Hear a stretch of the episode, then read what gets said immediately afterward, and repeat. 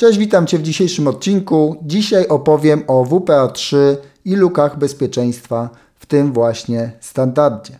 Jeżeli interesuje Cię to zagadnienie, to to jest właśnie odcinek dla Ciebie. Zacznijmy od problemu. E, przede wszystkim okazało się po pierwszej publikacji e, standardu w wersji draft, że jest e, cała lista wątpliwości co do jakości bezpieczeństwa w tym nowo ogłoszonym standardzie. Standard, tak jak wspomniałem w poprzednim odcinku, jeszcze nie jest ratyfikowany, czyli nie ma jeszcze jego ostatecznej wersji. W związku z tym te poprawki, które są dodawane i problemy, które są zgłaszane, są jak najbardziej jeszcze uwzględniane. Jakiego obszaru dotyczą te wątpliwości? Przede wszystkim dotyczą obszaru e, protokołu SAE, który jest znany i był wcześniej już przewidziany do sieci meszowych e, i był przedstawiany pod nazwą Dragonfly. Jest to protokół, który jest e, bez wątpienia dużo silniejszą metodą wymiany informacji o kluczach pomiędzy punktem dostępowym a klientem. Natomiast e, ten protokół jest już znany od jakiegoś czasu, w związku z tym też znane były metody atakowania tego protokołu, tak żeby można było łatwiej uzyskać hasło, które jest potrzebny do odszyfrowania komunikacji. Opowiem zatem o poszczególnych typach ataków, e, które były wymienione, jak również o rekomendacjach, które Wi-Fi Alliance e, zaleciło, odpowiadając na zgłoszone podatności. Zacznijmy od Transition Mode, czyli od takiego trybu, który został w WPA3 przewidziany do obsługi jednocześnie urządzeń w trybie WPA2 czyli obecnie większości, które funkcjonują na rynku i jednocześnie obsługi urządzeń WPA3. Więc pierwsza grupa ataków, która była związana ze słabością protokołu SAE, była przede wszystkim nakierowana na sposoby przekierowania trybu pracy klienta bezprzewodowego, czyli telefonu, laptopu, do trybu WPA2 ponieważ wiadomo, że w trybie WPA2 jest y, czterokierunkowy handshake wykorzystywany, jest on łatwiejszy do złamania niż y, SAE, które jest wykorzystywane w WPA3. Więc przede wszystkim sugerowano słabość dotyczącą właśnie tego trybu e, Transition Mode i sposoby, które można wykonać, żeby zmusić urządzenie końcowe, które może wspierać WPA3 i jednocześnie oczywiście wspiera WPA2, żeby łączyło się do punktu dostępowego w trybie WPA2. Jak to było wykonywane? Otóż bazując na dostępnych metodach szyfrowania zarówno od strony punktu dostępowego, jak i urządzenia końcowego, te dwa urządzenia negocjują między sobą, jaki zestaw e, parametrów szyfrujących będą ze sobą używać, czyli jakie SA będzie wykorzystywane. I teraz, jeżeli atakujący przysłuchuje się takiej wymianie komunikacji radiowej pomiędzy punktem dostępowym a telefonem, to jest w stanie dodatkowe ramki wysyłać do tego telefonu, powodujące odrzucanie poszczególnych trybów silnych uwierzytelniania, pozostawiając tylko te słabsze, które są łatwiejsze do odszyfrowania. Jak zatem e, Wi-Fi Alliance odpowiedziało na e, tą słabość i jak rekomenduje implementować rozwiązania WPA3, żeby ograniczać tego rodzaju podatności? Więc WPA3 e, należy implementować w sposób stricte dedykowany per SSID dla danego trybu połączenia, czyli rekomendowane jest podłączenie urządzeń WPA3 do SSID, które jest powiązane z trybem WPA3 i osobne stworzenie SSID dla trybu WPA2. W ten sposób wyłączamy możliwość Transition Mode dla WPA3 i obsługujemy w ramach WPA3 naszego SSID silniejszego, obsługujemy tylko urządzenia, które są w stanie połączyć się z naszym SSID właśnie tym silniej zabezpieczonym. Jak natomiast e, Wi-Fi Alliance proponuje zabezpieczyć się przed e, atakami związanymi na osłabianie e, schematów szyfrowania, czyli słabsze SA? Rekomendacja jest taka, że konfiguracja na punkcie dostępowym zawierająca dostępne możliwe schematy szyfrowania, czyli tych parametrów bezpieczeństwa SA, była złożona tylko z listy silnych zestawów. Czyli żeby po prostu nie można było połączyć się z naszym punktem dostępowym z urządzenia, które nie wspiera silnych metod. Przynajmniej w rekomendacji dotyczy to WPA3, więc jeżeli uwzględnimy to e, w takim schemacie, w jakim przed chwilą przedstawiłem, czyli dwa SSID, no to zakładamy, że jeżeli urządzenie nie jest w stanie się podłączyć w silnym szyfrowaniu, no to niech się podłączy po prostu do WPA2, tak jak jest to dzisiaj realizowane w ramach dzisiejszych implementacji. Teraz e, może przejdźmy do kolejnego typu ataku, Timing Based Side Channel Attack. Jest to typ ataku, który ogranicza nam zasób e, słownikowy, czyli zasób haseł, które próbujemy zgadnąć. Odkryto, że Timing Based Side Channel Attack pozwala nasłuchując transmisję radiową pomiędzy punktem dostępowym a telefonem, nie wysyłając żadnych ramek, pozwala oszacować, jaki e, typ szyfrowania jest używany. I tutaj, co ciekawe, głównie chodziło o wykorzystywanie wyższych poziomów szyfrowania, czyli na przykład Diffie-Hellmana grupy 22, 3, 4.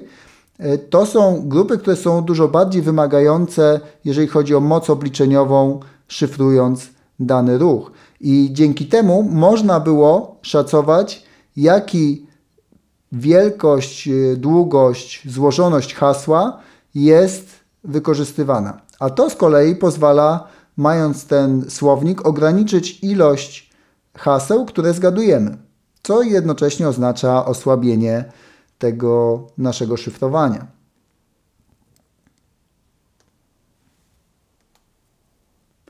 Jakie jest zalecenie, które odpowiada na tego typu atak ze strony Wi-Fi Alliance?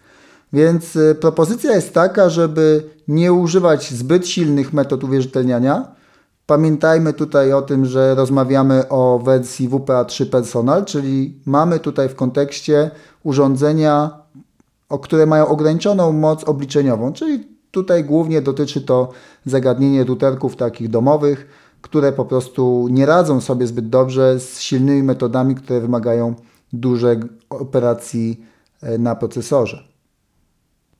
Jakie więc grupy Diffie-Hellmana są e, zalecane, jeżeli chodzi o szyfrowanie omijające problem Timing Based Side Channel Attack.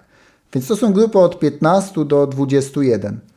Zauważcie, że jeżeli patrzymy na te, które są związane z e, tym problemem, to to są grupy 22, 3, 4, czyli te wydawałoby się pierwotnie, że silniejsze ale wiadomo jest, że tam e, w tych grupach Diffie-Hellmana są pewne podgrupy e, tych funkcji szyfrujących, które są bardziej podatne na tego typu atak. No i przechodzimy do ostatniej grupy e, tych rekomendacji i słabości, które są wymienione. Między innymi większość tych ataków czy tych podatności, które są tutaj wymienione, w zasadzie bazuje na zgadywaniu haseł. I teraz e, używanie słabych haseł, e, zarówno to się tyczy WPA2, które jest jeszcze słabsze pod tym kątem, jak i WPA3, jest po prostu e, zagrożeniem. Więc rekomendacja oczywiście e, z punktu widzenia Wi-Fi Alliance jest taka, żeby używać silnych haseł, e, które są wpisywane w trybie WPA3 Personal, tak żeby to zgadywanie było po prostu trudniejsze.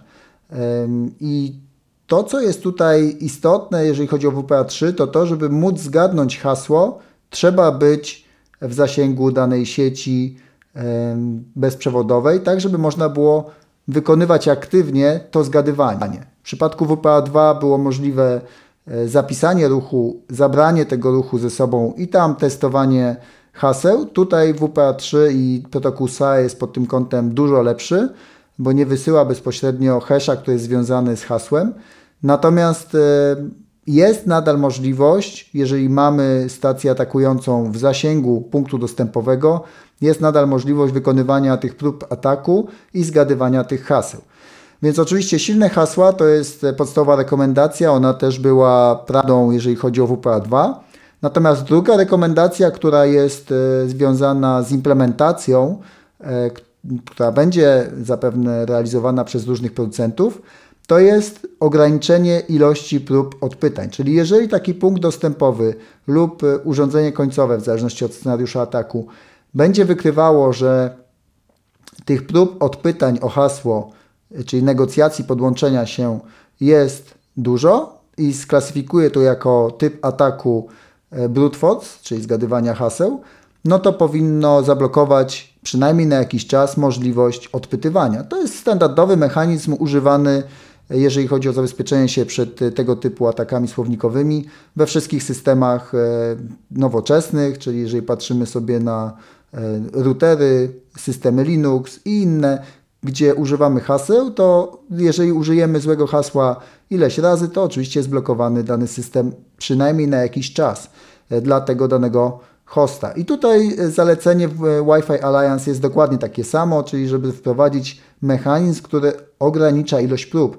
A zważywszy na to, że mm, ten typ ataku, czy te wszystkie wymienione typy ataku są związane z aktywnym E, komunikowania się z punktem dostępowym i stacją atakującą, e, no to ograniczamy tutaj bardzo znacznie ryzyko związane ze złamaniem tego zabezpieczenia.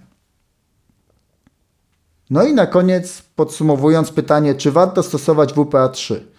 E, zwróćcie uwagę, że wszystkie wymienione do tej pory podatności były związane przede wszystkim z protokołem SAE, więc uznaje się że ten protokół ma pewne swoje niedociągnięcia, ale te niedociągnięcia są związane głównie z implementacją, czyli da się wykorzystując dalej ten protokół, implementując pewne zmiany na urządzeniach, które mają ten protokół wykorzystywać, można eliminować lub ograniczać e, te podatności, które są do tej pory wymienione.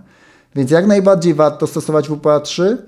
E, jak najbardziej WPA3 jest silniejszym schematem zabezpieczenia transmisji niż WPA2. E, warto nadal pamiętać, że to jest draft, czyli nie mamy ostatecznej wersji e, WPA3 ogłoszonej i zatwierdzonej. W związku z tym implementacja też na urządzeniach końcowych może się nadal zmieniać. I o ile kupimy urządzenia, na przykład punkty dostępowe, które implementują w zasadzie to WPA3 w sposób software'owy, czyli update oprogramowania umożliwia zmianę sposobu realizacji tego standardu, to tutaj jest sprawa w miarę jasna i bezpieczna dla kupującego, to o tyle używanie tego y, WPA3 czy kupowanie dzisiaj urządzeń, które WPA3 wspierają klasy domowej czy klasy mm, o mniejszej mocy obliczeniowej, czyli większe, więcej funkcji musi być zaimplementowanych bezpośrednio e, w hardware'ze no to te urządzenia nie będą e, mogły zostać zmienione czy dostosowane, jeżeli kolejne e, takie ataki będą wykrywane. W związku z tym tutaj należy mieć to na uwadze i odpowiednio rozważnie podjąć decyzję w zależności od tego, do jakiego obszaru chcemy zastosować te rozwiązania oparte o WPA3. Oczywiście na dzisiaj jest tych urządzeń końcowych, czyli laptopów, e, telefonów i innych urządzeń jest dość mało, w związku z tym e, no, to się będzie dopiero działo z czasem. E, ciekawy jest też ten aspekt odseparowania trybu WPA3 i WPA2. To jest też godne rozważenia, bo dzisiaj większość użytkowników nie ma chyba takiego poczucia nawet, że WPA2 jest jakoś specjalnie niebezpieczne. E, pojawiają się już dla osób, które siedzą głębiej w temacie różne takie wskazania, że da się te zabezpieczenia łamać, ale jeszcze raz to zależy od szczegółów, e, czyli standard WPA2 jako taki e, to jest jeden element, a to jakie schematy szyfrowania są wykorzystywane, czy silne hasło jest wykorzystywane, czy łatwo jest je zgadnąć, to jest zupełnie osobny temat i bardziej od tych szczegółów zależy poziom bezpieczeństwa, a nie od tego, czy bezpośrednio jest to WPA2 czy 3, chociaż wiadomo, że protokół SAE, czyli Dragonfly jest mocniejszy niż e, Four-Way Handshake, czyli ten wykorzystywany w WPA2. Na dzisiaj to wszystko. Zachęcam do subskrybowania kanału e, i chciałem na koniec podziękować Mirkowi, który w pytaniu e, zadał do poprzedniego odcinka zadał takie pytanie, czy mogę opowiedzieć o podatnościach WPA3, ponieważ część artykułów, które się pojawiły po pierwszym drafcie WPA3 wskazywała, że ten protokół jest po prostu niebezpieczny. Więc pomyślałem sobie, bardzo ciekawy temat. y, Chętnie też się nim zajmę i zbadam, jak bezpieczny jest ten protokół WPA3. Na dzisiaj to tyle. Dziękuję Wam za uwagę i do usłyszenia w kolejnym odcinku.